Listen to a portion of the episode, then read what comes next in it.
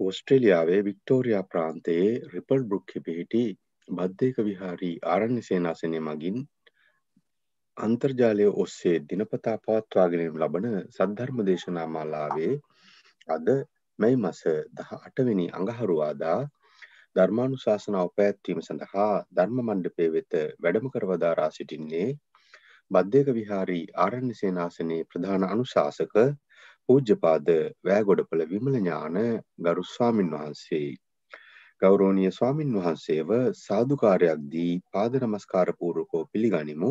සාදු සාදු සාදු.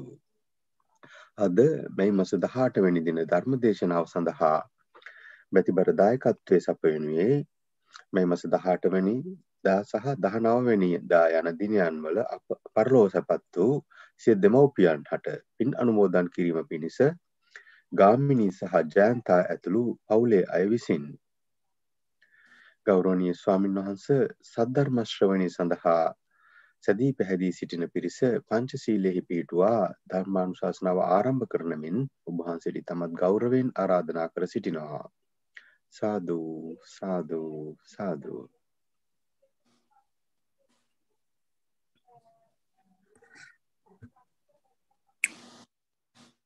සිලු දෙනාටම තෙරුවන් සරණයි.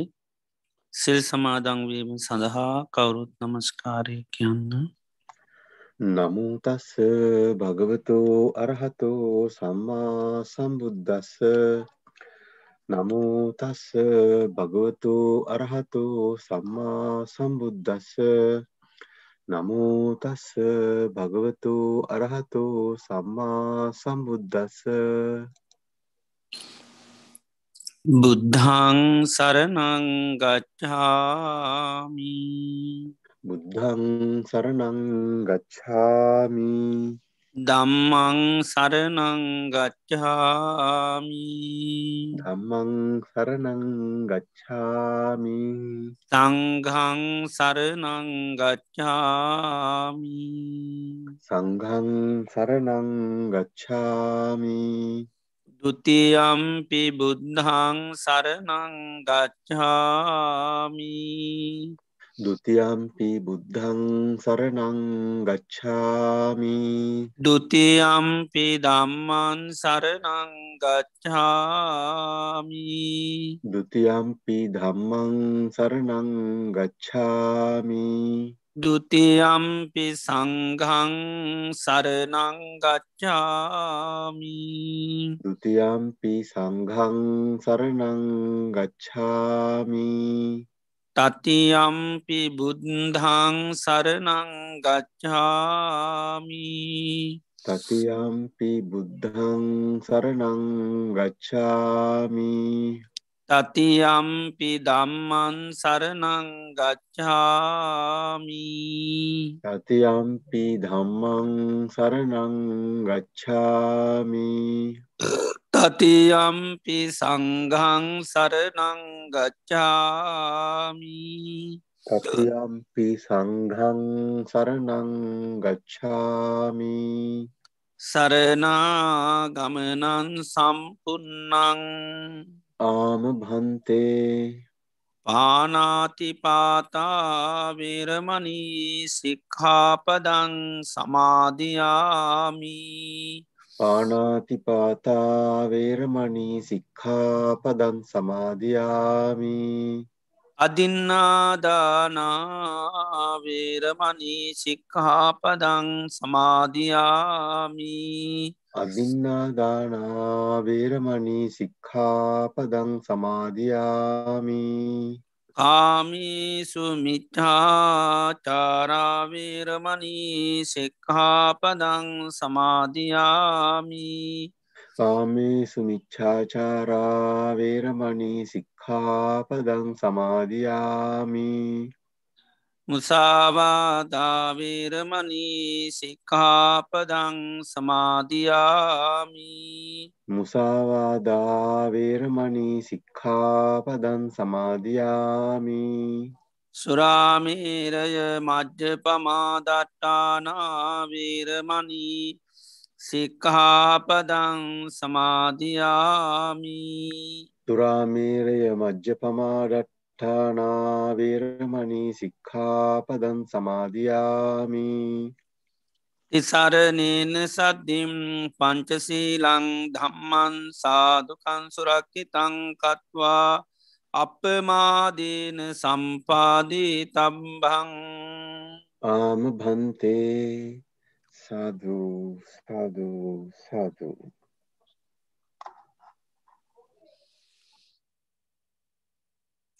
හොඳයි සියලු දෙනාම. තමන් ඉන්න ඉරියව්ව පහස්ුවෙන් තබාගෙන ඉන්න ඉරියව්වට කවුරුත් සීහ පීටුව ගන්න. මම මේ මොහොතේ ඉඳගෙන ඉන්න කියලා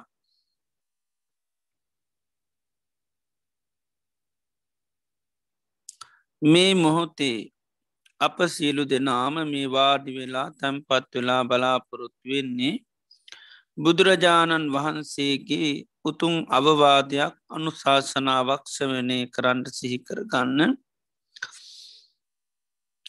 භාග්‍යවත් බුදුරජාණන් වහන්සේම දේශනා කරලා තිබෙනවා මේ ලෝකයේ බුදුරජාණන් වහන්සේ නමක් පහළ වෙන්නේ ඉතාමත්ම කලාතුරකින් ඒ වගේම උන්වහන්සේ දේශනා කරන ලද උතුන්සේ සද්ධර්මය මේ මිහිපිට පවතින්නේ තාම කලාතුරකින්. ඒ වගේම ඒ භාග්‍යවතුන් වහන්සේගේ ධර්මය නිවැරදිව දේශනා කරනය පහළ වෙන්නේ ඉතාමත්ම කලාතුරකින්.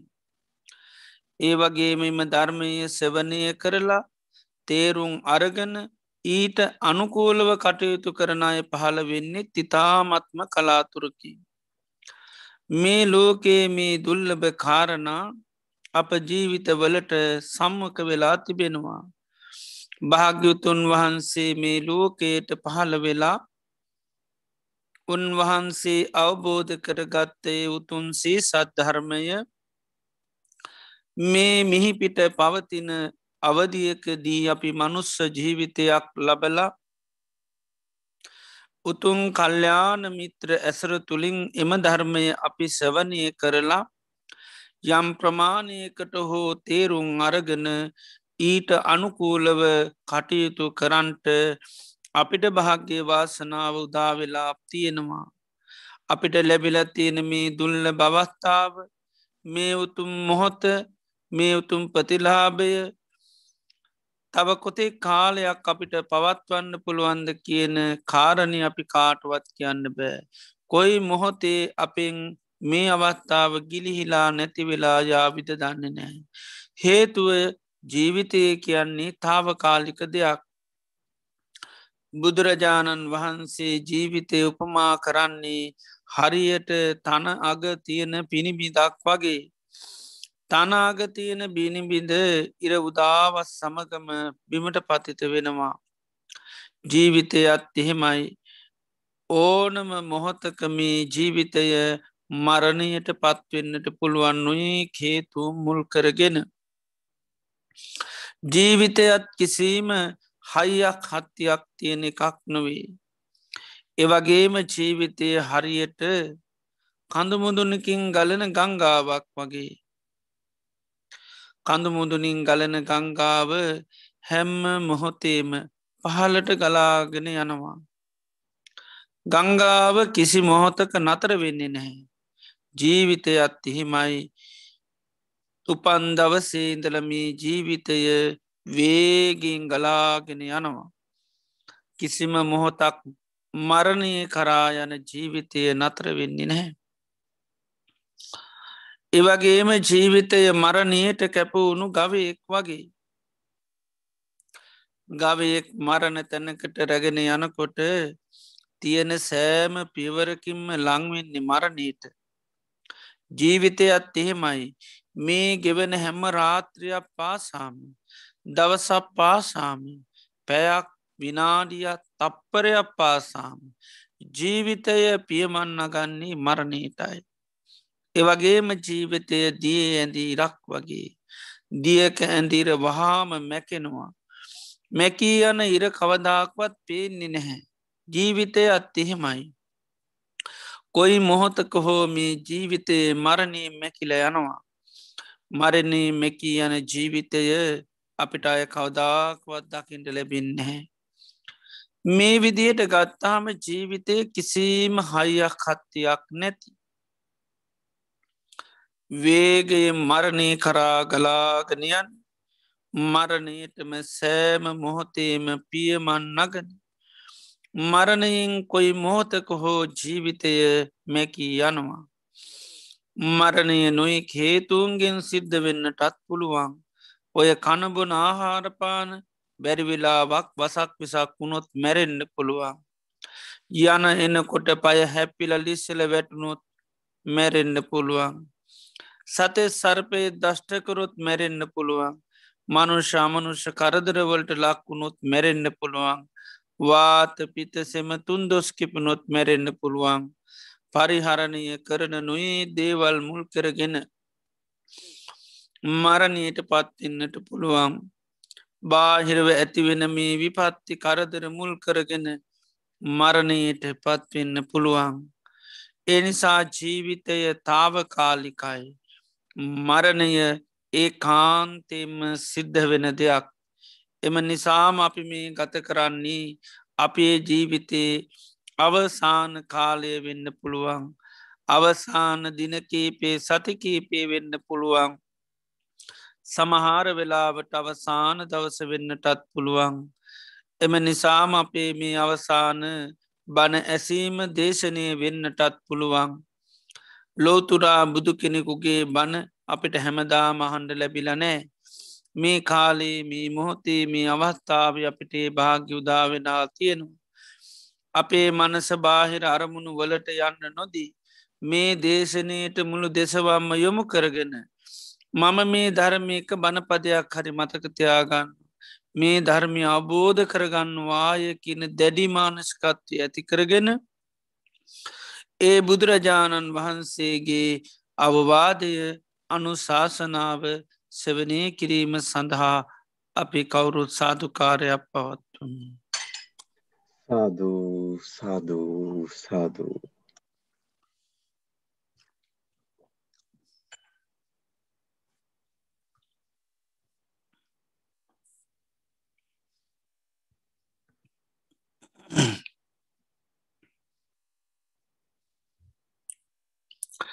නමෝතස්ස භගවතු වරහත්කු සම්මා සම්බුද්ධස්ස නමෝතස්ස භගවතු වරහතු සම්මා සම්බුන්දස්ස නමෝතස්ස භගවතු අරහතු සම්මා සම්බුන්දස්ස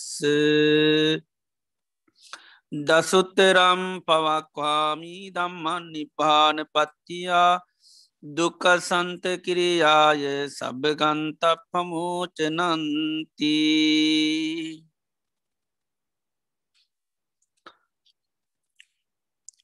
ශ්‍රද්ධාවන්ත කාරණක පින්නතුනි භාග්‍යවත් අරහස් සම්මා සම්බුදුරජාණන් වහන්සේ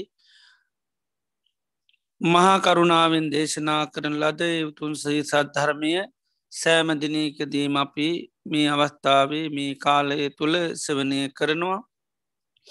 අදත් අපි භාග්‍යවත් බුදුරජාණන් වහන්සේගේ ඒ වටිනා දේශනාවක් සවනය කරන්ටයි බලාපොරොත්තු වෙන්නේ.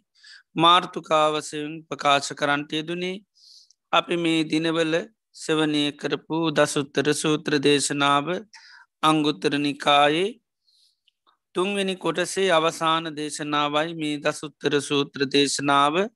භාග්‍යවත් බුදුරජාණන් වහන්සේ චම්පා කියන නගරේ ගග්ගරා කියන පොකුණු තීරේ වැඩඉන්න වෙලාවකදී සාරිපුත්ත මහරහතන් වහන්සේ තමයි බිස්සූන් වහන්සේලා අමතලා මේ දේශනය ආරම්භ කරන්න. උන්වහන්සේ මේ දේශනය ආරම්භ කරනකොට උන්වහන්සේ දේශනා කරනවා දසුත්තරම් පවක්කාමි දම්මං නිබ්භාන පත්තියා නිර්වාණයට පැමිණීම සඳහා දුක්ක සන්ත කිරියාය දුක කෙරවර කිරීම සඳහා නැතිකිරීම සඳහා සබ්භ ගන්ත පමෝචනන් ශීලූම කෙලෙස් ජට ලිහා ගැනීම සඳහා උපකාර වෙන මෙන්න මේ දසුත්තර ධර්මය දේශනා කරනවා. මේ දසුත්තර ධර්මය කෙනෙක් සවනය කල්ලා මතකතියාන ඊට අනුකූලමී ධර්මතාවයම් පුරුදු පුහුණු කරොත් එයාට නිර්වාණය සාත්සාත් කරන්න ඒවගේම සියලු දුකින් නිදහස් වෙන්න ඒ වගේම සියලු කෙලෙස් ගැට ලිහාදාන්න හැකියාව ලැබෙනවා.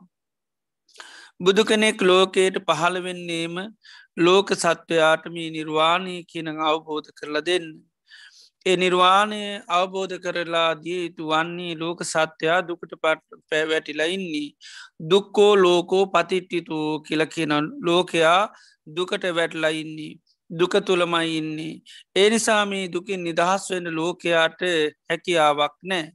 ලෝකයාට අවශ්‍යතාව ඇති වෙනවා දුකින් නිදහස් වෙන්න ඕනි කියලා. හැබැයි ඒ සඳහා මාවතක් ක්‍රමයක් මොකුත් ලෝක සත්වයාට හැමදාම හම්බිවෙන්න බුදු කෙනෙ පහළ වෙන්නට මෝනි. බුදු කෙනේ පහළුනාම තමයි මේ දුකින් නිදහස් වෙන්න ලෝක සත්‍යයාට මේ මාවත නැත්තං ක්‍රමවේදයන් කියල දෙන්නේ. මේ සීසත් ධර්මය කියල කියන්නේ අන්නේ මාර්ගය මේ දසුත්තර සූත්‍රය කියන්නේ මාර්ගය මේ දේශනාවන් තුළ බුදුරජාණන් වහන්සේගේ ධර්මී තුළින් මේ දුකින් නිදහස් වෙන්න තමයි උන්වහන්සේ ධර්මී දේශනා කරන්නේ.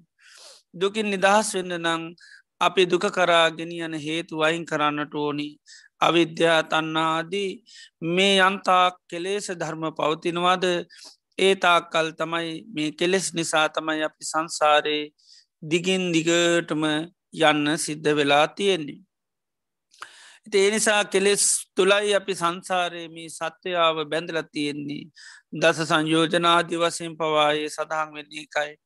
එතර මේ කෙලෙස් ගැට ලිහාගන්න උපකාර වෙන ධර්මතා තමයි මේ දසුත්තර සූත්‍රයේ දේශනා කරන්නේ. අංක එක ඉඳලා දහය දක්කා සංඛ්‍යාවසයෙන් ධර්මය දේශනා කරනවා. එකේ කාරණා දෙකේ කාරණා මේ විදිහට.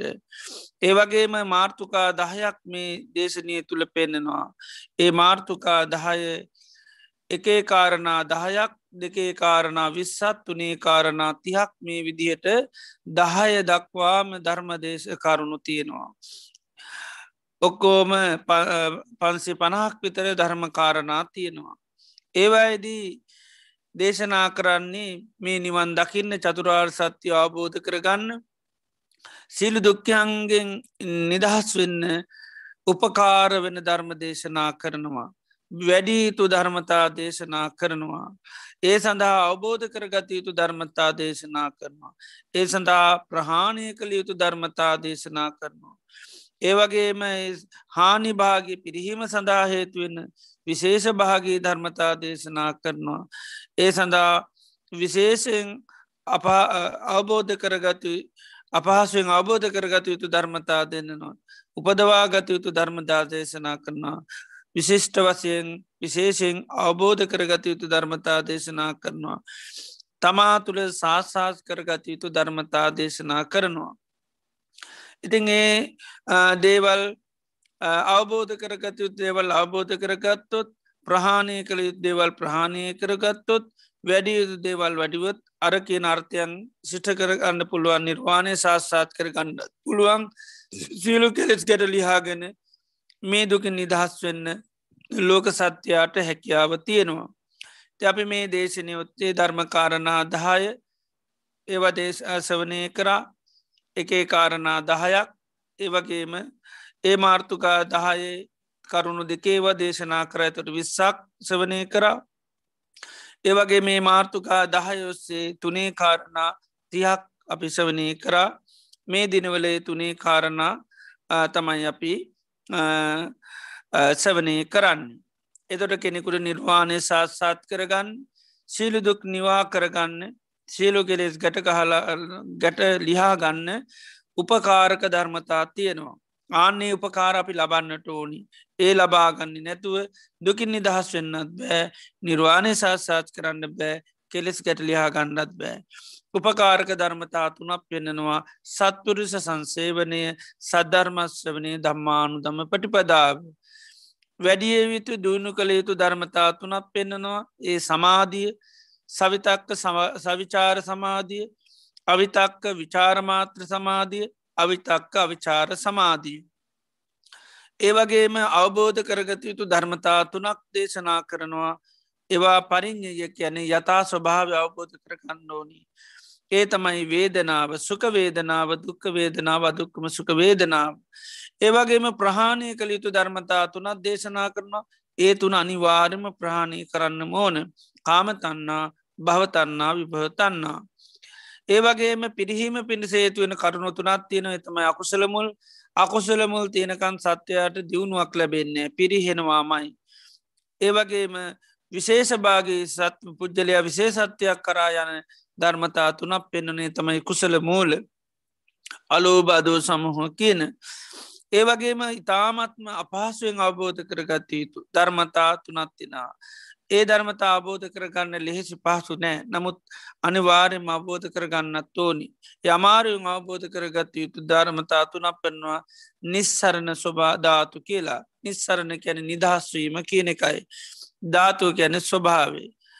කාමාන මේ තන් නිස්සරණ යදිදන් නෙක්කම්මංකින කාමයෙන් නිදහස්වීමට නෙක්කම්ය ඒවගේම රූපෙන් නිදහස්වීම ආරුපය සකස්වෙච්චි සංස්කාරයන්ගේ නිදහස්වීම නිරෝධය මේව නිස්සරණ දහතු හැටියට පෙන්න මේවැ නිදහස් වෙන්න ටෝනි ඒව නිදහස් වෙන්න නං ඒ නිදහස් වෙන තත්ත්වයට අපි පත්තෙන් ඩෝනි කාමයෙන්ගෙන් නිදහස් වෙන්න නම් නයිස්ක්‍රමිය කියන ස්වභාව දියුණු කරන්න ඕනි.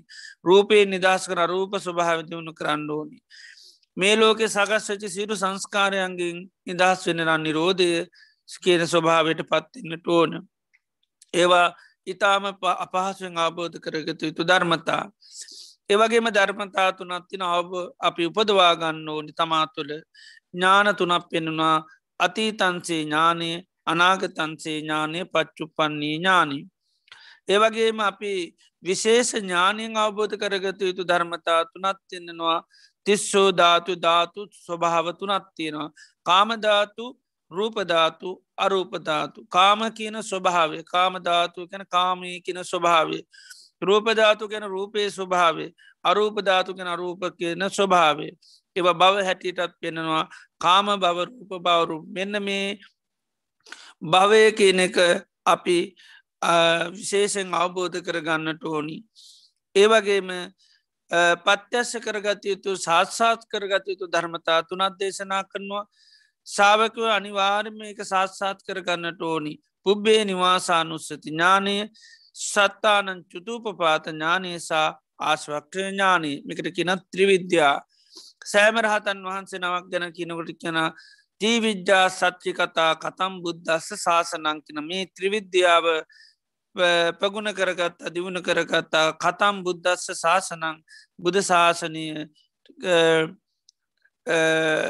කළ යුතු දේ කරගත්ත කෙනෙක් හැටියට එරහතන් වහන්සේ ලබෙන. එනිසා මේක පත්‍යස්ස කරගන්න ඕන සාත්සාත් කර ගණ්ඩෝනි ධර්මතා තුනත් තමයි මේ ත්‍රී විද්‍යා කියනක මේති විද්‍යාම සාාවකයාත් පත්‍යස්ස කර ගණ්ඩෝනි තර මෙතන කරුණු තිහක්.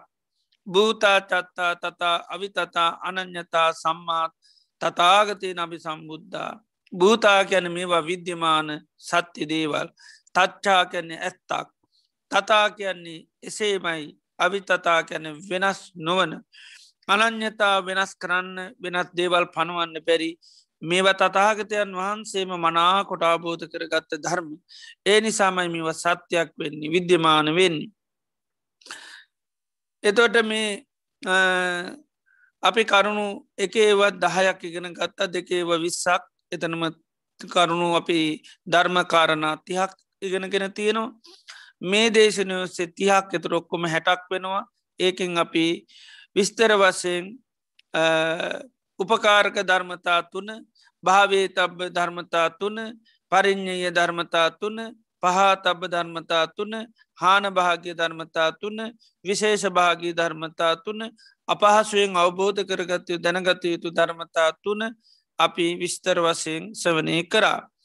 ද්‍රාධාපි සවනය කරන්න බලාපොරොත්තු වෙන්නේ තයෝ දම්මා උපාදේ තබ්බා. ධර්මතා තුනත්තින ධර්මතා තුන උපදවා ගන්න ඕන්. තීනි ඥානානිකෙන ඥාන තුනත්තින ඥාන තුන සාාවක උපදව ගන්න ඕනි.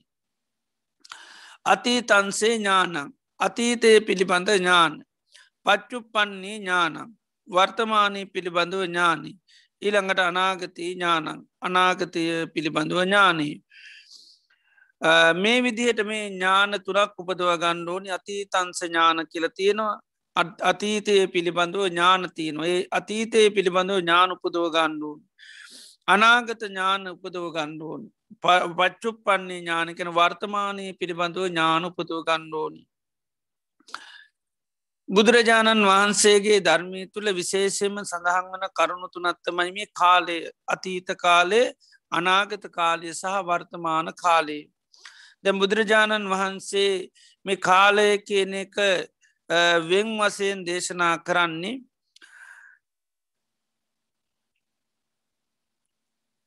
මේ කාලයේ මුල්කරගෙන අපි අතීතය කියන කාලයට අපේ හිත බැඳිල තියෙන චන්දරාග වසේ. අනාගතය කියන ඒ කාලයටත් අපි චන්දරාග වසයෙන් බැඳිල තියන්නේ. ඒවගේම වර්තමානය කියන මේ කාලයටත් අපි චන්දරාග වසයෙන් බැඳිල ඉන්නේ. ඉති එනිසා බුදුරජාණන් වහන්සේගේ ධර්මී තුළ මේ කාලය කියන එක උන්වහන්සේ දේශනා කරනවා. තින් කාලයේ සාාවකයා නිවැරදිව අවබෝධ කරගන්න ඕන එකක්. දැන් පංච උපාදානක් කන්ද කියනකේ පවා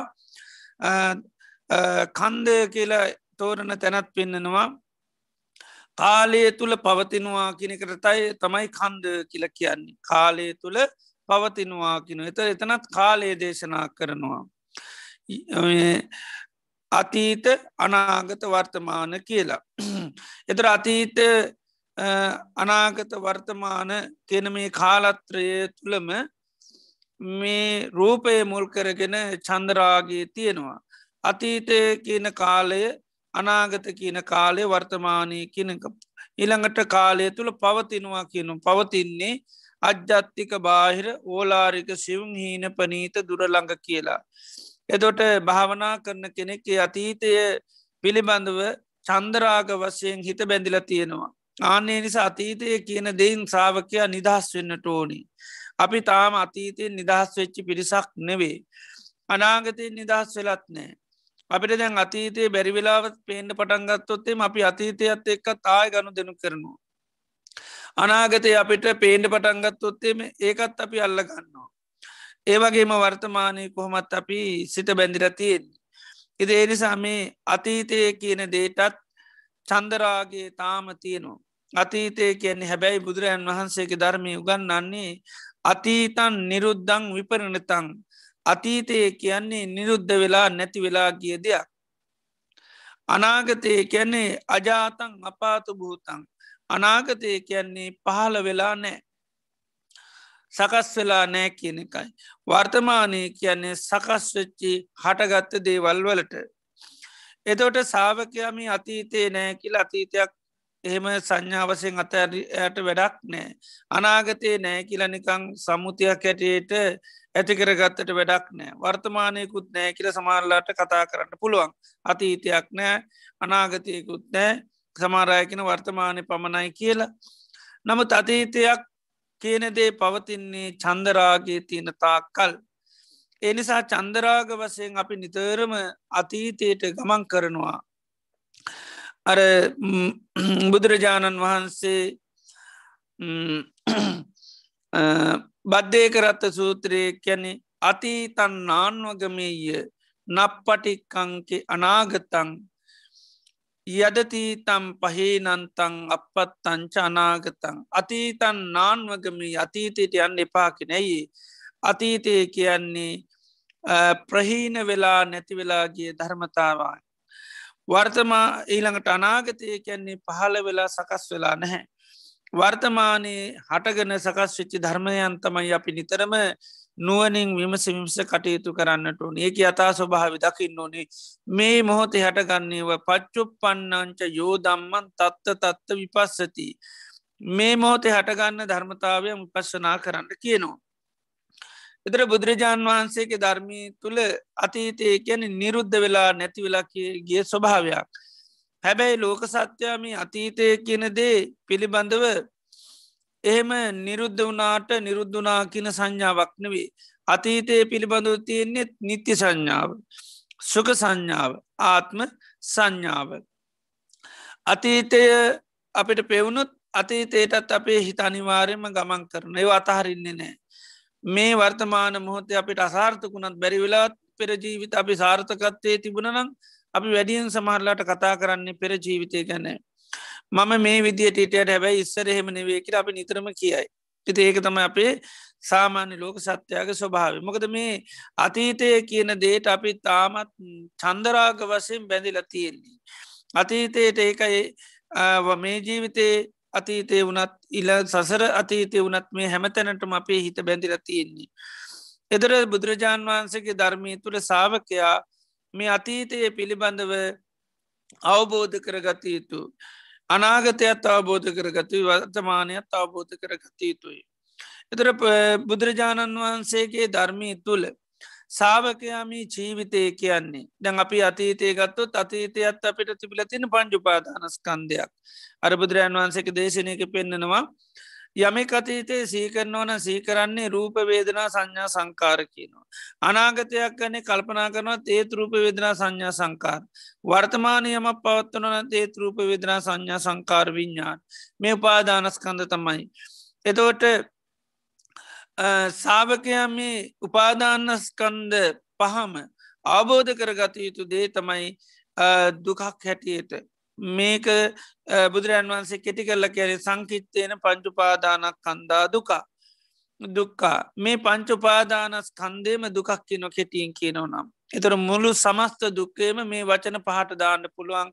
රූප වේදනා සංඥා සංකාර විඤ්ඥානයකට පාලියෙන් කියන රූප උපාදානක් කන්දය වේදනා උපාදානක් කන්දේ සංඥා උපාදාන කන්දේ සංකාරුපාදානක් කන්දේ.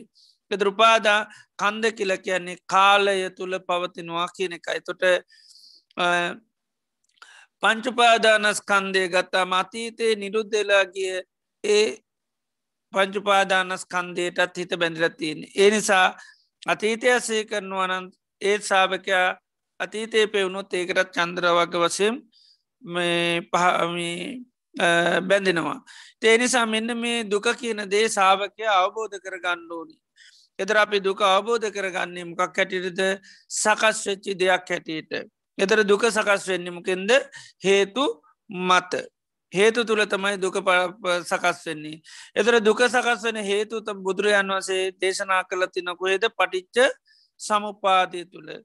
හේතු නිසා සකස් වෙනවා කියන එකයි පඩි සම්පාද එතර ඒක තේ පඩි සම්පාද පෙන්න්නන්නේ ඒව මේ තස්ස කේවලස්ස දුක්කක් කන්දස සමුදයෝ.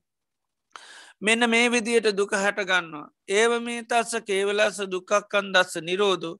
මෙන්න මේ විදියට දුක්කක් කන්දේ නිරුද්ධ වෙනවා කියලා බුදුරජන් වහන්සේ පටිච සම්පාදයේ දේශනා කන එතර පටි සම්පාදය පෙන්නන්නේ හේතුව සහ නිරෝධය. නැත හේතුව සහ පලය එතොට බුදුරජාණන් වහන්සේගේ ධර්මි තුළ සාාවකය හැම ධර්මතාවයක්ම හේතු නිසා හටගන්නවා හේතු නැතිවුණොත් නැතිවෙනවා කියන අවබෝධයට එන්ඩෝනි. ඒකට කියනවා සමුදය වය වසේ.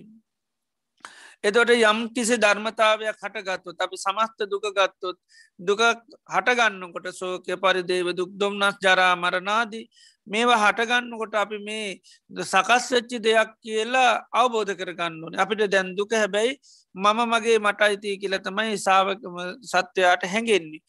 එතෝට බුදුරජාන් වහන්සේ ධර්මය තුළ නිතරම මේවා සංස්කාර හැටියට දකින්නන සකස් වෙච්චි දේවල්. සකස් වෙච්චි දේවල් හැටියට දැක්කොත් තමයිවා මම කියලගන්නෙත් නෑ මගේ කියලගන්නෙත් නෑ මට අයිති කියලගන්නෙත් නෑ දැන් කෙනෙ ධර්මය අබෝධ කරගන්න විශේෂෙන් අපිම සෝතාපන්න වනා කියලා සෝතා පන්නයි මේ රූපය කියන දේ ගන්නේ ආත්ම හැටියට නෙවේ සංස්කාරයක් හැටියට. ඒකයි රූපන්න අත්තතුව සමුණු පැස්සති කැන රූපේ ආත්ම වසම් එයා කල්පනා කරන්න. එය රූපය කියන්නේ සංස්කාරයක් හැටිටයි දකින්නේ. ඒ දර්ශනය සෝතා පන්නයට පින්නවා. ඒ අයි අතීතය ගැන කවරුවරි කතාකරොත් අතීතය පිළිබඳවත් එහෙමයි. අතීතය කියන්නේ දුකක්. ඒ දුක නිරුද්ධ වනා කියන සියතියෙන ඒක මංමාගේ කියලකන්නේ නෑ. අනාගතයත් එහෙමයි. එතොට අතීතයේ ඒ සකස් වෙච්චි දේවල් සකස් වෙච්චි හේතු සාාවකය අවබෝධ කරගන්නවා. අනාගතය පිළිබඳවත් එහෙමයි. ඉති එනිසා මෙන්න මේ යම් ධර්මතාවයක් කටගන්නකොට ඒවාගේ හේතු සාවකයා නිරතුරුවම නිවැරදිව දැනගන්න ඕනි. ඒ ඒ ධර්මතාවයන්ට ආසන්න හේතු තියෙනවා. ඒවතමයි මේ පටිසම්පාදය පෙන්නන්නේ. එතොට මේ ඉපදී ජරාමරණ සෝක පරිදේව දුත්තම් නස් කියන දේට ආසන්නම කාරණීතම ඉපදීම. ඉප දුනොත්තමයි අපි ජරාවට පත්වෙන්නේ ලෙඩ වෙන්නේ. ඒ වගේම මරණයට පත්වෙන්නේ. පිය පුද්ජලයන් පිය වස්තුූන් අහිමෙල යන්නේ. අප්‍රිය සම්පයෝග අපපුද්ජලු ඇතුවෙන්නේ. අප්‍රියන් එක එකතු වෙන්න වෙන්නේ. ඒ වගේම තමන් නොේ දේවල්වලට ආස කරනවා. විශේෂෙන් මේ ජීවිතයේ දිරාපත්වෙනවා මේ දිරාපත්වෙන ජීවිතය ඇතුර ජීවත්වමින් දිරාපත් නොවී ඉන්න අපේක්ෂා කරනවා. ඉති ඒව අපේක්ෂා කරට ලෝකයටව ලැබෙන්නේ. මේ විදිේ මේ ජරාමරණ සෝක පරිදේව දුක්දුම්නස් කියන මේ දුක කියන දේ සාාවකයාට සකස් වෙනකොට සාාවකය අවබෝධ කරගන්න ඕනේ ඇයි මේ දුක සකස් වුනේ? මෙම මම මගේ මට අයිතිය කියලා දකින. ඇයි මම ලෙඩවෙන්නේ ඇයි මම මැරෙන්නේ? ඇයි මට මෙ වෙන්නේ? එහෙම දකින්න ඇතුව ඇයි මේවා සකස් වුනේ කියලයි සාාවකය දකිින්ඩෝන් එතොටේ සකස් වෙන හේතු තමයි බුදුරන් වහන්සේ පටි සම්පාද දේශනා කරන්නේ. ජාතිපච්චයා ජරාමරණං කියල දේශනා කරනවා. ජාතිපච්චයා ජරාමරණන්ති ඥානං සාාවකයා අවබෝධයක් නුවනක් ඇතිකර ගණ්ඩෝනි ඉපදුණු නිසයි අපිට මේ ජරාවට පත්වෙන්නේ. මරණයට පත්වෙන්නේ ලෙඩවෙන්නේ සෝක පරිදේව දුක්දුම්න සටගන්නේ මේ ඉපදිච්චි නිසා ආන්නේක සාාවක ඥානයක් හැටිට අවබෝධ කරගන්න එකට කෙන ජාතිපච්චා ජරා මරණන්ති ඥානම් මෙන්න මේ ජරාමරණය කියන දේ ජාතිය නිසා කියලා අවබෝධ කරගන්නවා. ඉපදිච්චි නිසයි ජරාමරණ පවතින්නේ. එකට කෙනවා ජාතිපච්චයා ජරාමරණන්ති ඥාන ඒ ඥානයේ සාාවකයා උපදවා ගත යුතුයි. අසති ජාතියා මේ ජාතිය නැතිවුණොත් අන්න ජරාමරණ නිරුද්ධ වෙලා නැති වෙලා යනවා. ජරාමරණ කියන දේ නැතිවෙනවා. ජරාමරණ තියෙන්නේ ඉපදුනොත් ඉපදීම නිරුද්ධ වුණොත් ජරාමරණය සකස් වෙන්නේ නෑ. අසති ජාතියා නත්ති ජරාමරණම්. ඉපදීමක් නැතිවුණොත් ජරාමරණ සකස් වෙන්නේ නෑ කියලන්න සාාවකයා අවබෝධ කරගන්න ඕන එක ඥානයක්. ඊළඟට සාාවකය අවබෝධ කරගන්නවා අතීතම්පි අද්දානන් ජාතිපච්චයා ජරාමරණම්. දැන් අතීතයේ අපි ජීවිතයක අතීත ජීවිතයක් අපිට පේන තුර අපි ගොඩා දුක් විඳල තියෙන පීඩා විඳල තියෙනවා. එතට අපි කිව අපිට දැකල අපි කිවොත්තේ මම පේර ජීවිතය නම් පුද්දුම විඳවිල්ලක් පිඳෙව්වේ කියලා එතට ඒ පෙර ජීවිතයේ නිරුද්ධ වෙලා ගිය ඒ සංස්කාර ධර්මයන් හැබැයි මගේ කියල දකින්නවා. එතොට ඒක හේතුවක් නිසා පැවතුන නමුත් ඒක තමන්ගේ දෙයක් හැටිට දකින්නේ. එතොට බැරිවෙලාවක් අපිට අතීතේ මේ ජීවිතයෙන්ට පුළන් වෙන ඇත පෙර සංසාර වෙන්න පුළන් අපිට අතීතය කියන දේශී වුණොත් දකිින් ඩෝනි ඒ අතීතයේ සකස් උනු ඒ ජරාමරණයම් පැවතුනේ ජාතිපච්චා ඉපතිච්චි නිසයි. ඊළඟට අසති ජාතිය ජාති නැතිවීමගේ ජරාමරණ නැති වෙනවා. ඒවගේ අනාගතය සම්බන්ධවත් එහෙමයි. අනාගතම්පි අද්දානන් ජාතිපච්චා අපිට අනාගතයේ පේනු අපි ගොඩා දුක්කිදින පේන්න පුළ තොර දකින්න ඕනි අනාගතය යන් සෝක පරිදේ දුක්දුම්න සකස් වෙනොන් සකස්වෙන් ඉපදු නොත්මයි. ඉපදෙන් නැත්තං ඒක වෙන්නේ නැහැ. ඉතින් ඒ විදිහට අනාගතය පිළිබඳවත් අන්න ඥාන ඇති කර ගණ්ඩෝන්. එතොට වර්තමා ජාතිපච්චා ජරාමරණ කියන තැන. වර්තමාන ඥාන දෙකක් කතා කරනවා අනාගත ඥාන දෙකක් කතා කරනවා අතීත ඥාන දෙකක් කතා කරනවා. එතොට මේ ජාතිපච්චයා ජරාම නැත්තං ඉපදුන්නේ ඉපදිච්චි නිසයි මේ ජරාමරණ හටගත්තේ කියන සකස් වනේ කියන ඥානය සාාවකයා ඇති කරගන්නකොටම ඒ ඒ ඔස්සේ ඥාන හයක්ම අවබෝධ කරගන්න හැකියාව තියෙනවා වර්තමානයට දෙකයි අතීතයට දෙකයි අනාගතයට දෙකයි. බුදුරජන් වහන්සේ ඥාන දුතිය ඥානවස්තු සූත්‍රයේ දේශනා කරනවා සත්ත සත්තරයෝ භික්කවේ ඥානවත්වූනි දේශිස්සාමි මහනන හැත්තෑ හතක් ඥාන දේශනා කරනවා. ඥානයන්ට මුල් වෙන කාරණ. ඒ කාරණ ඔස්සේ ඥාන සාාවකයට හැත්ත හතක් අවබෝධ කරගන්න හැකියාව තියෙනවා. ඥානය කියන අපි දන්න නුවන අවබෝධය වැටහීම කියන එක. එතට ජීවිතය පිළිබඳව සාාවකයාට ඥා අවබෝධ ඥාන හැත්ත හතක්ම ඇති කරගන්න පුළුවන්. ඒ හැත්ත හතෙන් විසි දෙකක් වර්තමාන ඥාන බවට පත්වෙනවා විසි දෙකක් අනාගත ඥාන බවට පත්වෙනවා විසි දෙකක් අතීත ඥාන බවට පත්වෙන. එතොට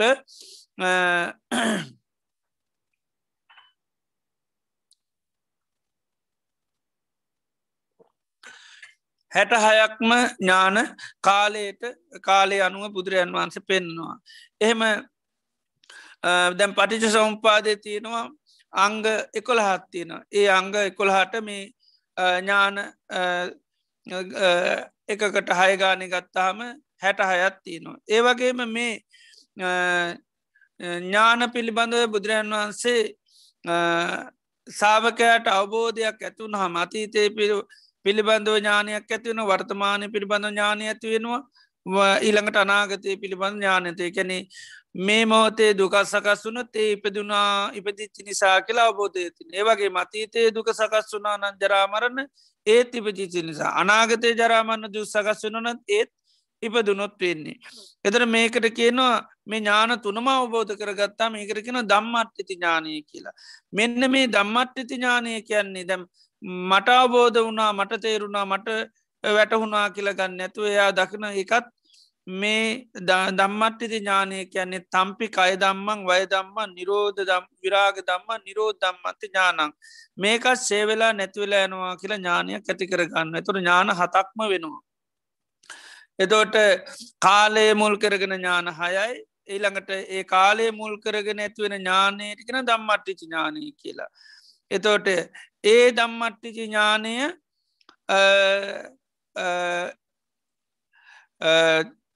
පටිච සම්පාදය ජරා මේ ජාතිපච්චා ජරා නිපදිච්චි නිසා ජරාමන් හටගත්තා එතොට ඒක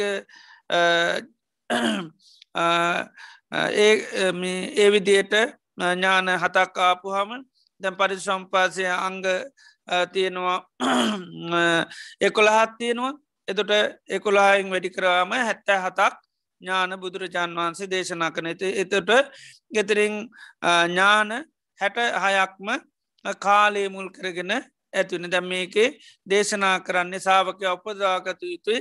අතීතන්සේ ඥානය සහ අනාගතන්සේ ඥාන සහ පච්චුප්පන්න ඥාන. වර්තමානය පිළිබඳව ඥාන අතීතය පිළිබඳව ඥාන ඉළඟට අනාගත පිළිබඳව ඥාන. එත අතීතයේ මුල් කරගෙන ඥාන එතොට විසි දෙකක් අවබෝධ කරගන්න පුළන් පටිච්ච සමුපාදය ඔස්සේ. එතොට පළවෙනි ඥාන හය තමයි අපි මෙතන ප්‍රකාශ කරේ.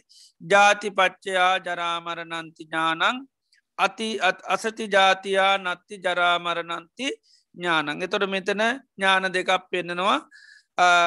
ඉපදීම නිසා තමයි මේ ජරාමරණ කියන ස්වභාවය සකස් වෙන්නේ ඉපදීම නැතිවුණු ජරාමරණ නැතිවෙනවා කියලා යා අවබෝධ කරනවා. එතොට ජරාමරණ කියන්නේ සකස් වෙච්චි දෙයක්. ඒ ජරාමන්න සකස්වන ඉපදිච්චි නිසා කියර සාාවක අවබෝධ කරගන්න. හැබැයි ඉපත නතර වුණොත් නැතිකරොත් මේ ජරාමරණය නිදහස් වෙන්න පුළුවන්. එනම් උපත තියනතාකල් එයා දන්න ජරාමරණීන් කිසිසේ නතර වෙන්න බෑ. ඒවගේම මේ ජරාමරණ කියන්නේ මට අයිති දෙයකුත් නෙවේ. හේතුව තමයි ඉපදීම නැතිවුණොත් ජරාමරණ නිරුද්ධන. එනම් මේ ජරාමර නිරුද්ධන නම් ඒක මමේ මාගේ මට අයිති කියල ගන්න දෙයකුත් නෙවේ. එතර මේ විදියට මේ සමුදය වය කියන දෙකම අවබෝධ කරගන්න පුළුවන් දුකේ හට ගැනීම සහ දුකේ නිරෝධය. එතොට මෙන්න මේ විදියට ඒකට තමයි වර්තමාන ඥානය කියල කියන්නේ. එතර මේ වර්තමාන ඥාන දෙකක් අසාාවකයට අවබෝධ කරගන්න පුළුවන්. ඒවගේම මෙන්න මේ වර්තමානය අවබෝධය අතීතයට දානවා. ඒකට කියනවා දම්මට්ටිති ඥානය කියලා කියනවා. මේ මොහොතේ හැටගත්තාම අන්වේ ඥානය කියල කියනවා එතොට ඒ අනාගතයට අත්දානවා මේ මොහොතේ හටගත්ත අවබෝධය. එතොට වර්තමානයට දෙකයි අතීතයටත් දෙකයි අනාගතයටත් දෙකයි. තොට ඥානොක්කොම හයක් මේ එක කරුණක් මුල් කරගෙන ජරාමරණ කියන මේ කාරණය මුල් කරගෙන ඥාන සාාවකයාට හයක් අවබෝධ කරගන්න පුළුවන්. ඒ ඥාන හයටම තමයි දම්මට්ටිචි ඥානය කියල කියනවා. ඒ දම්මට්ටිචි ඥානයත් එයා ඒකත් මම මගේ මට අයිති මට වැටවුණා මට තේරුණයි කියලගන්න ඒකත් එයා දකින්නේ ඒකත් තම්පි කය දම්මං ඒකත් ශේ වෙලා යන්න නැතිවෙලා යන්න නොවැලීතු ධර්මතාවයක් හැටිතේ ඥානයත් එයා අබෝධ කරගන එකත් ඥානයක් බවට පත්වෙනවා. ගෙතර ඥාන හතක්ම මේ සාාවකයට අවබෝධ කරගන්න පුළුවන්. ඒවගේම බවපච්චයා ජාතිම ඉපදීම තියෙන්නේ භවය තියනතා කල් කියල සාාවක අවබෝධ කරනවා. ඒවගේම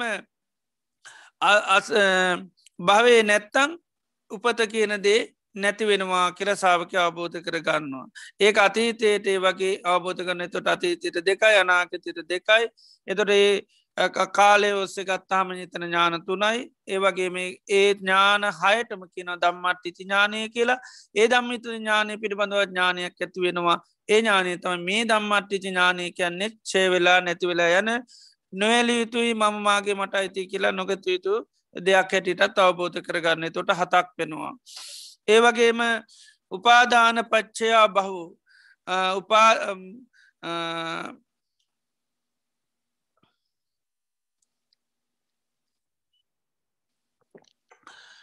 භවය පිළිබඳව සාාවක අවබෝධ කරන භවය කියන්නේ සංස්කාරය කෙදර මේ භවය නැමති සංස්කාරය සකස් වෙන උපාදාන පච්චයා උපාදානය තිනතා කල් උපාදානය නැතුනොත් අන්න භවය නැත්වෙනවා.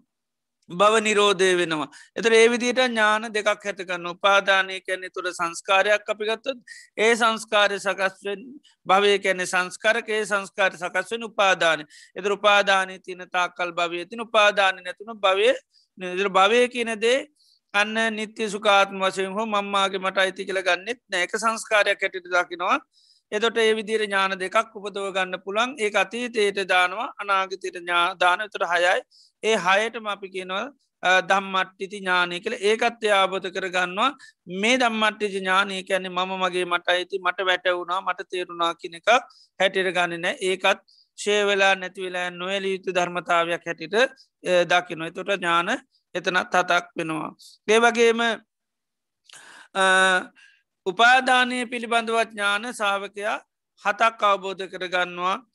උපාධානය කියලා කියන්නෙත් සකස්වේ මගේ එකත් හේතුවන් නිසා පවතින දෙයක්. මම බැඳිල ඉන්නවා කියල එකක් නෑ. උපාධානය කැන සකස්වීමක් අපි දේවල්වලට බැඳිල යන කාමයට බැඳිල යනවා. රූප ඒ වගේම දෘෂ්ටි මතවාදවලට බැඳිල යනවා. එතර මේකත් සකස්වීමක් එතොට ඒකත් සාාවක අවබෝධ කරගන්නවා. තන්නහා පච්චා උපාදානන්ති ඥානම් මේ තන්නහාම නිසා තමයි උපාදානි. තන්නහාව නැතිවුණොත් උපාදානය නිරුද්ධයනවා. එන උපාදානය කියන්නේ නිත්‍ය ධර්මතාවයක් වූ මම්මාගේ කියල ගන්න දෙයක් නිවි. ඒවගේ මතීතය පිළිබඳවත් එයා දකිනවා.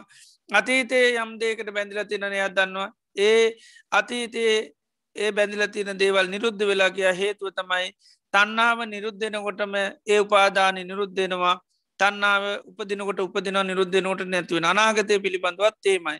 ඒ විදිට මේ උපාධානයේ මුල් කරගෙන ඥාන හයක් ඒ හයමටකින දම්මටි ඥානය ඒක අතා ස්වභාවයක් අවබෝධ කරගත්තම එතනත් ඥාන හතක් දේශනා කරනවා. ඒවගේම තන්නා පිළිබඳව සාාවකය ඥාන හතක් අවබෝධ කරගන්නවා තන්නාව කියන්නේ සකස්වීමක් සංස්කාර තන්නාව කියන්නෙත් මංමාගේ දෙය මම ඇල්ලිලා ඉන්නවා කියන එකක් නෑ. මම තන්නහා කරනවා කියලෙකුත් නෑ. එක සකස්වීමක් ඒ තන්නාව සකස් වෙන්නෙත් හේතුවන්නේ සේක සාාවක අවබෝධ කරගන්නවා. වේදනා පච්චයා තන්නාති ඥානං අසති වේදනාය නත්ති චන්නහය ඥානම් වේදනාව ප්‍රත්තිය කරගෙන තමයි මේ තන්නාව සකස් වෙන්නේ කියලා අවබෝධ කරගන්න. තන්න වේදනාව නිරුද්ධනො තන්නාවත් නිරුද්ධනවා කියලා අවබෝධ කරගන්න. ඒ අතීතයටත් ඒ විදිර දකින්න අනාගතයටත් ඒ විදිර දකින්න. එතොට ඥාන හයයි. වර්තමානට දෙකයි අතීත දෙක අනාගත දෙකයි.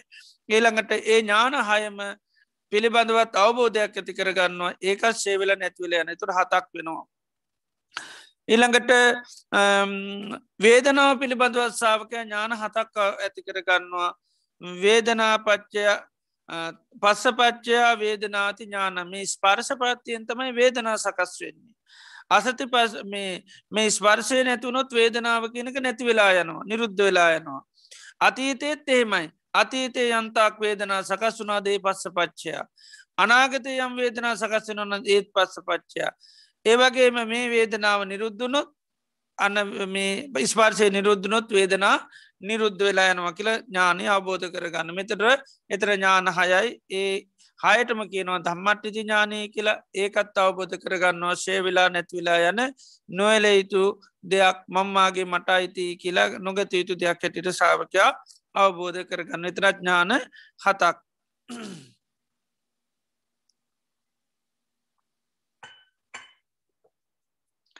ඒවගේම ස්පර්ශය පිළිබඳවත් ඥාන හතස්සාාවක අවබෝධ කරගන්නවා. කාල වසයෙන් හයක් වර්තමාන කාලෙට දෙකයි අනාගත කාලයට ඥාන දෙකයි අනාගත කාලෙට ඥාන දෙකයි. සලායතන පස්සයා පස්සෝති ඥානං. එය අවබෝධ කරගන්නවා මේ ස්පර්ශය කෙනෙක සලායතන ප්‍රත්තියකොට තට ස්පර්ශය කියන්නේ සකස්වීමක් ඇයි සකස් වෙන්න කියල සාාවකය දන්න. ස්පර්ශය කියන මංමාගේ මට අයිති දෙයක් නේ සකස් වෙන ස්වභාවයක්. එතොට සලායතන සකස් වන තාකල් ස්පර්ශය සකස් වන සලායතන නිරුද්ධනො නැත්තන් සලායතන නැත්තම් මේ ස්පර්ශය කියන දෙයක් නෑ. එතොට අතීතයටත් ඒ විදිට අවබෝධ කරගන්න අනාගතයටත් අවබධත ඥාන හයයි. ඒ හයටම කියනව දම්මට ඥාන ඒකත් යතා ස්වභාය අවබෝධ කරගත්තාම ඒකත් මංමාගේ මට අයිති කියලා ගන්න නෑ ඥාන හයම. ඒකත් ඥානයක් බවට පත්වන තුන ඥාන හතත් එතන ඒවගේම සලාහිතන පිළිබඳවත් ඥාන හතක් අවබෝධ කරගන්නවා. සාාවකයා ඒකෙන් කාලයට අයිති ඥාන හයත්තියනවා වර්තමාන කාලෙට දෙකයි අතීතෙර දෙකයි අනාගතට දෙකයි. නාමරූපච්චා සලාහිතනන්ති ඥාන සාාවක අවබෝධ කරගන්නවා. මේ සලාහිතන කියන්නේ නාමරූප ප්‍රත්තිය කරගෙන තියෙන. සලාහිතන කියන්නේ සංස්කාරය සකස් වෙන ස්වභාවයක්. ආයතන සකස් වෙනවා. ඒ සකස් වෙන්න නාමරූප හටගත්තු හටගන්න නාමරූප නැත්තන් සලායතන සකස් වෙන්නේ නෑ.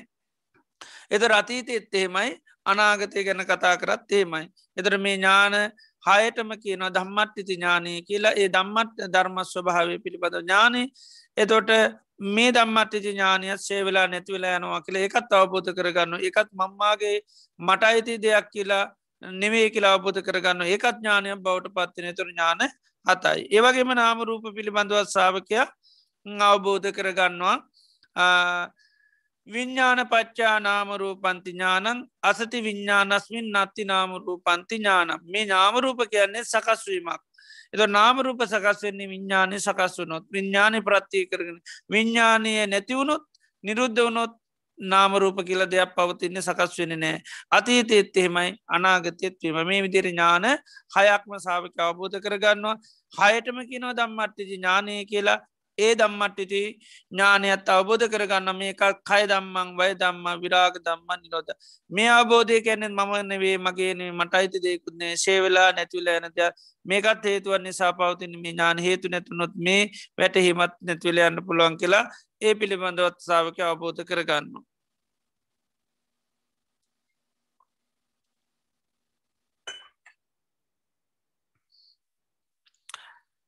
ඒවගේම විඤ්ඥානය මුල් කරගෙන ඥාන හතස් සාාවක අබෝධ කරගන්නවා. සංකාරපච්චා විඤ්ඥානන්ති ඥානං අසති සංකාරයසු ඥත්ති විඤ්ඥානන්ති ඥාන. විඤ්ඥානය කියන්නේ සකස්වීම සංස්කාරයක් මමය මාගේ මට අයිති කියලා ගන්න දෙයක් නො ඒකයි විඤ්ඥානන්න අත්තතෝ සමනු පස්සති විඤ්ඥානය ආත්ම වසයෙන් ගන්න නෑ විඤ්ඥානි සකස්වීමක් හැටිටයි දකින්නේ. එදර විඤ්ඥානය සකස් වෙන්නේ නාමරු සංස්කාර සකස් වනොත් සංකාර පච්චයා විඤ්ඥාන සංස්කාර ප්‍රත්තිය කරගෙන උපකාරගෙනතා විඤ්ඥානී. අසති සංකාරය සංස්කාර නැත්තං විඤ්ඥානයක් කියල එකක් පවතින්නේ නෑ. අතීතෙත් එහෙමයි අනාගතෙත් එහෙමයි. එතොට ඒ හයටම කියනව දම්මත් හිති ඥානය ඒ දම්මට ඥානයත් ශේවෙලා නැතිවල නො කියලා අබෝධ කරගන්න එතනත් ඥාන හතක්.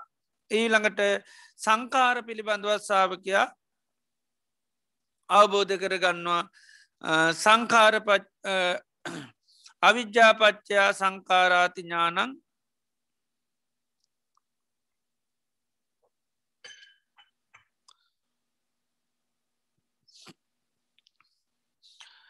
අවි සංස්කාර කියන්නේ අවිද්‍යාව හේතුකොටගෙන පවතින්නේ අවිද්‍යාව නැතුනොත්තමයි මේ සියලු සංස්කාර නිරුද්ධ වෙන්නේ කියලා සාාවක අවබෝධ කරගන්න.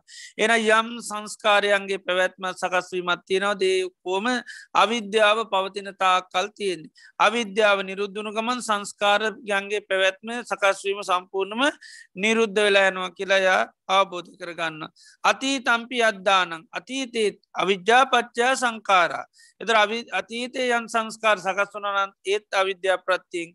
අසති අවිද්‍යාය අවිද්‍යාව නැතිවීමෙන් ඒ සංස්කාර නැතිවෙලා යනවා. අනාගතම්පි අද අනාගතය තේමයි. අනාගතය යන් සංස්කාර පවත්ති නොන පවතින් අවිද්‍යාවතින් තාකල් අවිද්‍යාව නැතුනො අනාගත වසින් කිසිම සංස්කාරයක් අය සකස් වෙන්නේ නෑ. ඒකයි රහත්තනක රහතන් වහන්සේලාට කිසිම සංස්කාරයක් සකස් වෙන්නේ නෑ. විසංකාර ගතන් චිත්තන්ගෙන සිත විසංකාර වෙනවා. හේතුව මොකද උන්වහන්සේලා මේ අවිද්‍යා ආදිමේ හේතු අයින් කරලා තියෙන නිසා. මේ විදිහට සංස්කාර පිළිබඳවත් සාාවකයා ඥාන හා හතක්ම අවබෝධ කරගන්නවා.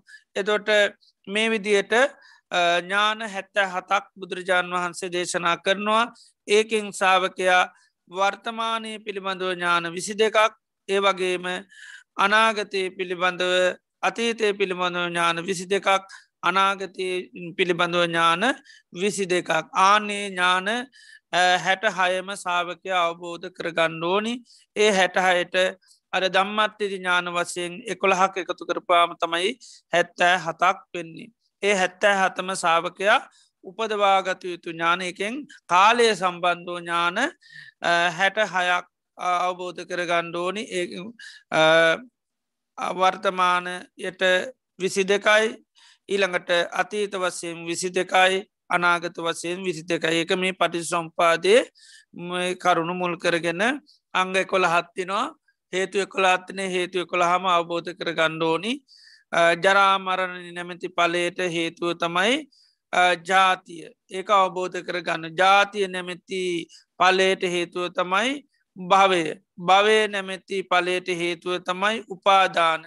උපාදානය නැමැති පලයට හේතුව තමයි තන්හාාව තන්නාව නැමැති හේතුවට පලයට හේතුව තමයි වේදනා වේදනාව නැමැති පලයට හේතුව තමයි පස්සේ. පස්සේ නැමැති පලයට හේතුව තමයි සලායතන. සලායතනය නැමැති පලයට හේතුව තමයි නාමරූප නාමරූප නැමැති පලේට හේතුව තමයි අවිද්‍යාව.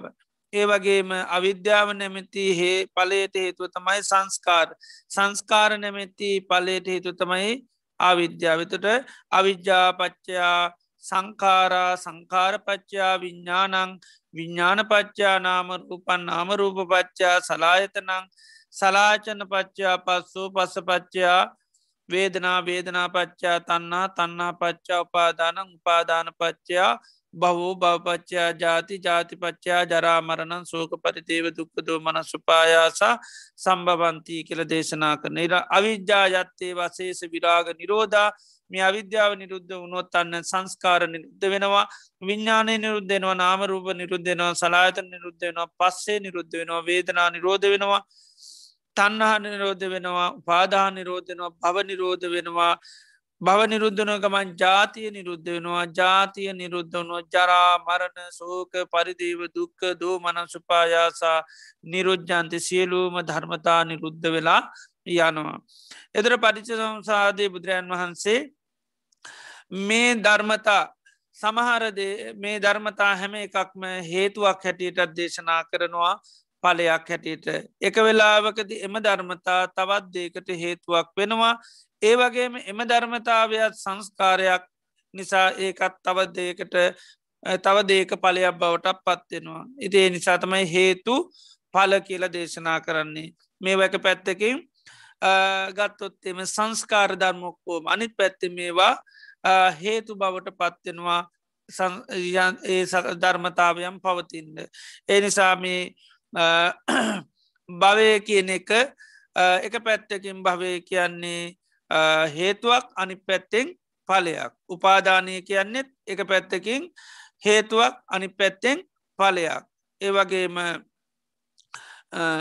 ජාතිය ඒ වගේම භවය උපාදාන ඒ වගේම තන්නහාව ඒ වගේම වේදනාව ස්පර්ශය සලායතන නාමරූප ඊළඟට විඤ්ඥාන සංකාර මේ ඔක්කෝම හේතුවකුත් වෙනවා. පලයකුත් වෙනවා. ඉති මේ දෙකම සාාවකයා අවබෝධ කරගන්න. තොට මේ ධර්මතා ගත්තාම හේතුවත් තියෙන තාකල් මේවත් තියෙනවා හේතු නැතුනත් මේ සීරු සර්මතා නැතිවෙලා යන නැතිවෙන්ඩ හේතුව තමයි නිරුද්ධ වෙලායන්නේ මේවා සංස්කාර නිසා ඒක මේවා සංස්කාර නිසා නිරුද්ධයන ඇති මේ නිසා සාාවකයා මේවාගේ හට ගැනීම නැතිවීම දකිින් ඩෝනි එතොට ඒ අතීතයටත් එකයි අනාගතයටත් එකයි. අතීතයේ අපි යම්තා දුක්වේදන විින්දනං ඒකට හේතු ගත්තොත් හේතුව තමයි ස්පර්ශය පත්සපච්චා වේදනා. අනාගත අපි ගොඩා දුක්විඳ නොනම් වේදනා විඳ නොනං ඒත් ස්පර්ශ පස්සපච්චයා. එතුර ඒ ස්පර්ශය අතීතය යම් ස්පර්ශය සකස් වන නං ඒත් සලාහිතන පච්චයා. අනාගත යං ස්පර්ශය සකස් වනත් ඒත් සලාහිතන පච මේ මෝතේ අපිට යම් දුක් වේදනාව කටගත්තු දැන් ඒත්මකද ස්පාර්ශ පත. ඒ ස්පාර්ශය දැම් මේ මෝත සකස් වෙන මොකෙද සලායතන. දැම් මේ මෝත සලායතන සකස්වන්න සකස් වන්න මනාවනත් නාමරූප සකතුන් දැම් මේ මෝත නාමරූප සකස්වනුත් සකස් වෙන්නේ විඤ්ඥාන මේ විදියට. අතීතයත් තේමයි ඒ විදිර සාාවකයා අවබෝධ කරගණ්ඩෝනේ නිසා මෙතන ඥාන වසයෙන් ඒකයි උන්වහන්සේ ඥානතුනක් පෙන්නවා අතීතන්සේ ඥානය අනාගතන්සේ ඥානය පච්චුප්පන්නේ ඥාන මේ ඥාන තුනම සාාවකයා උපදවාගත යුතු ඥාන හැටියට දේශනා කරනවා. එතර පරිච්චම්පාද ඔස්සේ සාාවකයට ඥාන හැට හයක් කාලේ ඔස්සේ අවබෝධ කරන පුළුවන් අතීතයට අතීත වශයෙන් ඥාන විසි දෙකයි අනාගත වසයෙන් විසි දෙකයි වර්තමාන වසයෙන් විසි දෙකයි පටිච සම්පාදේ එකොළහත් තියෙන එකොළහ ඔස්සේ සාාවකයාට පුළුවන් එකකට හයගානේ අවබෝධ කරගන්න පුළුවන් ඉතින් හැම දෙනාටම මේ ඥාන උපදවාගෙන මේ ඥානුපදවාගත්තොත් එයාට නිර්වාණ ශාසාත් කරගන්න පුළුවන්. සිරුදුක්කයන් නිදහස් වෙන්න පුළන් සීලු කෙරෙස් ගැට ලිහා ගන්න පුළන් මේ ඥාන උපදවාගත්තොත් මේ ඥාන උපදවා ගන්න ඇති තාකල් සාාවකයාට මේ දුකින් නිදහස් වෙන්නත් බෑ. හේතුව තමයි මේ දුක නිතරම දකින්නේ මංමාගේ මට අයිති මමමාගේ මට අයිති දකින තාකල් දුක තුළ ආයමත් අවිද්‍යා ඊළඟට තන්න හාදීට මේ මේ ධර්මතාවයම කෙලෙස් මාය සකස් වෙනවා ඒ කෙලෙස් සකස් වනතා කල් නිර්වාණය ශාස්සාත් කරගන්න බැහැ. ඉති එනි සතමයි මේවා බුදුරජාණන් වහන්සේ මේවා හේතු වසයෙන් පලවසයෙන් සාාවකයා හාබෝධ කරගන්න ඕන මේ ධර්මතා පිළිබඳුව වේදනාව කියනකොටම සාාවක අවබෝධ කරගන්න ඕන සංස්කාරයක් කියලා. ඇයි වේදනාව සකස් වනේ කියලා අවබෝධ කරගන්න එක මේ මොහොතට අතීතයේ අනාගතම කාලත්‍රේටම දාන්නතාවකයා දක්ෂ වෙන්නට ඕනි. ඉදේ නිසා එම අවබෝධ කරගත්තොත්තම යාට මේ දුකින් නිදහස් වෙලා නිර්වාණය සාස්සාත් කරගන්න හැකියාව තියෙන නිසා හැම දෙනාට මේ ඥාන කාලය පිළිබඳව තියෙන මේ ඥාන හැට හයම අවබෝධ කරගන්න හැකියාව ලැබේවා ලපි හැම දෙනාට මාසිරවාද කරනු.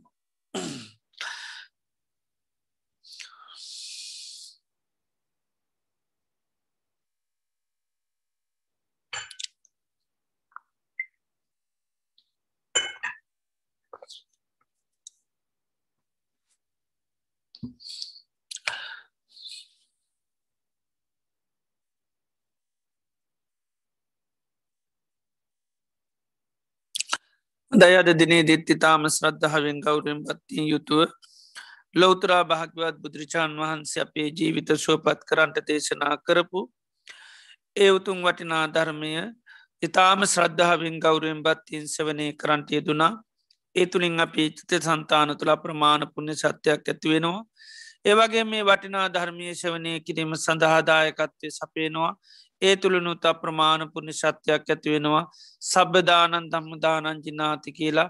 හැම දානයකට වැඩි ධර්මදානය ශේෂ්ටයි බුදු කෙනෙකුගේ බණපදයක් සවනය කරන්න ඉඩ සලසල දෙනවනං අවස්ථාව සලසල දෙනවනං ඒ දේශනාවන් පවත්වන මේ වගේ ආයතන පවත්වාගෙන යන්න යම් ආකාරයට උදවපකාර පවත්වනවනං ඒ හැම එකක් මේ ධර්මදානී සඳහාම උපකාර වෙනවා. එනිසා බුද්ධ වචනයක් සවනය කරන්න මේ ඉඩ සලසලදීම අවස්ථාව සලසලදීම ශේෂ්ඨ දානයක් හැටිටයි බුදුරජාණන් වහන්සේ දේශනා කරන්නේ. තිගේ නිසා ධර්මදාන මේ වසයෙන් අපේ චිත සන්තාන් තුළ ප්‍රමාණ පුුණ ශත්‍යයක් අත්වෙනවා. මේ බණපදයක් දේශනා කිරීම ආමුෘත දානයක් හැටිට දේශනා කරනවා. නිවන දුන්න වෙනවා. අම් බණපදයකින් සවනය කරන්ඩ ධර්මය දේශනා කරනවා නම් හමතන්ද දෝච යෝහෝති යෝදම්මේ මනුසාසති යමික් ධර්මින් අනුශාසනා කරනොනංයා අමුෘතය දින කෙනෙක් වෙනවා ඒවගේ මේ ධර්මය සෙවනය කරන තුළ අපිට භාගතුන් වහන්සේ කරේ මහා සද්ධාවක් ඇතිවෙනවා ඒ කාන්තේම බුදුරජාණන් වහන්සේ නම් සම්මා සම්බුද්ධයි.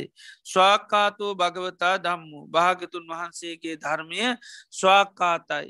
සුපටිපන්නෝ භගවතෝ සාවක සංගෝ තතාගත සාවක සංගව සුපටිස් වන්න දැම් මේ ඥානයන් අවබෝධ කරගන්න තමයි උන්වහන්සේලා මේ ශාසනයට උන්වහන්සේලා අපට ඒක තමයි ඥාය පටිපන්න කැනෙ ආරය න්‍යාය අවබෝධ කරගන්න සාභකයා අවාර න්‍යාය වසින් තමයි අර ඥාන හැත්ත හතක්ම සාාවකයාට අවබෝධ කරගන්න පුළුවන්කම ලැබෙන මේ හේතු පල අවබෝධ කර ගැනීමත් එක්ක.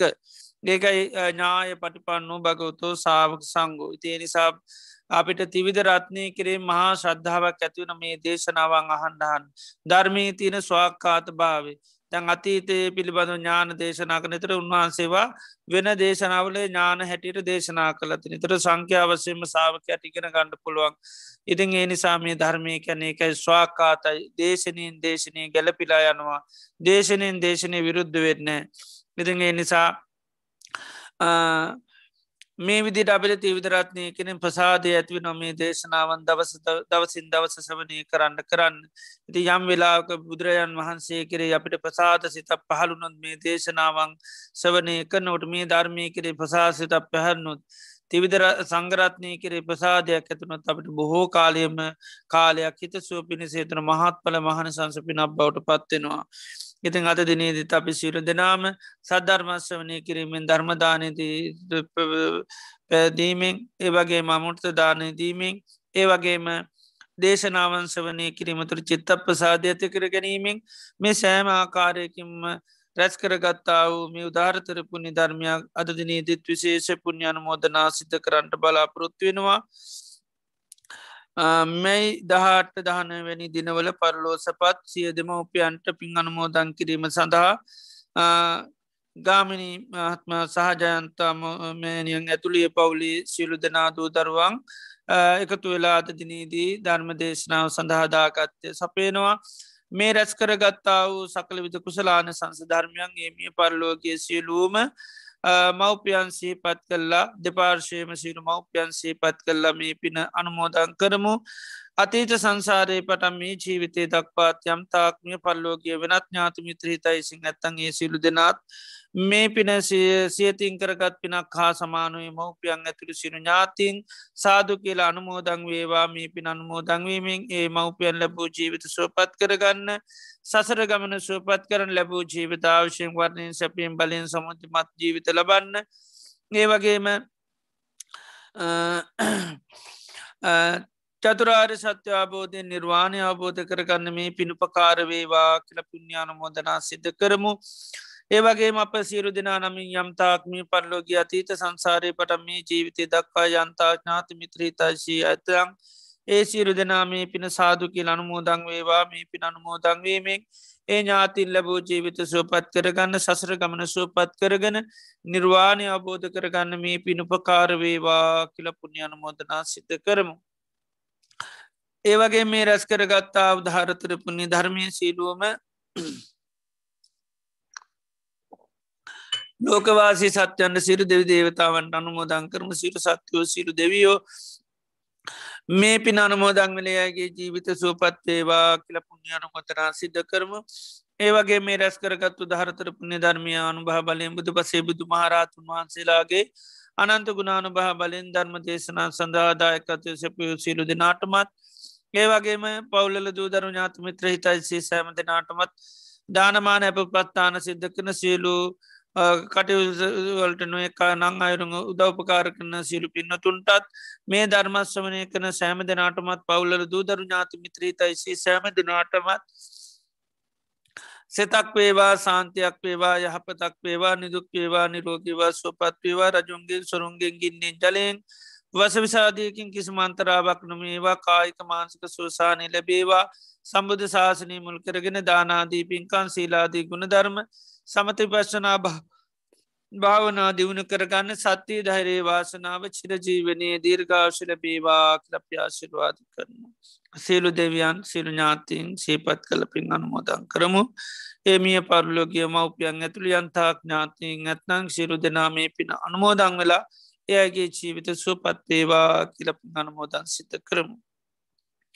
ඉඩංගෝ ඥාති නං හෝතු සුගිතා හොන්තු ඥාතයෝ ඉඩංගෝ ඥාති නං හෝතු සුගිතා හොන්තු ඥාතයෝ ඉඩංගෝ ඥාති නං හෝතු සුගිතා හොන්තු ඥාතයෝ එත්තාවතා චම්මිහි සබදම් පුුණ්්‍ය සම්පදං සබේ භූතාන මෝදන්තු සබ සම්පත්ති සිද්ධ ඇත්තාවතා චම්මිහි සබදම් පුුණ්්‍ය සම්පදන් සබේ පුතාන මෝදන්තු සබ සම්පත්ති සිද්ධයා එත්තාවතා චම්මී සබදම් පුුණ්්‍ය සම්පදන් සබ්බේ සත්තාන මෝදන්තු සබ සම්පත්ති සිද්ධියා ඉමිනාපුං්ඥ කම්මේන මාමී බාල සමාගමෝ සතන් සමාගමෝ හෝතු යාවනි බානපත්තියයි දම්මී පුං්ඥකම්මං ආසවක්තයා වහම් හෝතු සබ දුක්කාපමුංචතු සාධූ සාධූ සාධූ ඕකාස වන්දාමි භන්තේ පත්වේවා මයා කතම් පුං්ඥං සාමිනා අනුමෝදි තබ්බං සාදු සාමිනා කතම් පුං්ඥං මයිහන්දා තබ්බං සාදු අනුමෝදි තබ්බං සාදු සාදු අනුමෝදාමී. ඕකාස දවාරත්තයන කතං සබ්බං අච්චයන් කමතමේ භන්තේ. අමාමි කමි තබ්බං ඕකාස කමාමි භන්තේ දුතියම්පි ඕකාස කමාමි බන්තේ තතියම්පි ඕකාස කමාමි මන්තේ ඊලවන්තං ගුණවන්තං පුං්ඥක් එත්තං අනුත්තරං දුල්ලබේන මයාලද්දං පස්සි තුන්වන්දි තුන්වරං කාරිපුත්තාදි තේරානං ආගතං පටිපාටියා සද්දා සීල දයාවා සං බුද්ධ පුත්තං නමා මහං සාධූ සාධූ සාධූ බද්ධයක විහාරී ආරණ්‍ය සේනාසනය මගින් අන්තර්ජාලය ඔස්සේ පවත්වාගෙන ලබන සද්ධර්ම දේශනා මාලාවේ අද මැයි මාස දහඅටවෙනි අඟහරුවාදා ධර්මානුශාසනාව පවත්වා වදාළ බද්ධයක විහාරී පදනමේ ප්‍රධාන අනුශාසක පූජ්‍යපාද වෑගොඩපළ විමල ඥාන ගෞරවනීය ස්වාමින් වහන්සේට චිරාත් කාලයක් ශාසනික සේවයේ යෙදමින් බොහෝ දෙනාගේ ධර්මාවබෝධය වඩා වර්ධනය කිරීම සඳහා ශක්තිය ධෛර්යය වාසනාව නිදුක් නිරෝගී සුවසිත සාචර ජීවනය වේවා. ප්‍රාර්ථනීය බෝධියකින් උතුම් නිර්වාණ අවබෝධය සාක්ෂාත් කර ගැනීම සඳහා අප සියලු දෙනා රැස් කරගත් උදාර කුසලානි සංස්චන්ද හේතු වාසනාව වේවායි. සාදුකාරදී පුණ්‍ය අනුමෝදනා සිදු කර ආශිර්වාද කරමු. සාදු සාදු සාදු. සද්ධර්ම ශ්‍රවණය කළ සුසිල්වත් සියලුම දෙනාට සම්මා සම්බුදු සරණයි.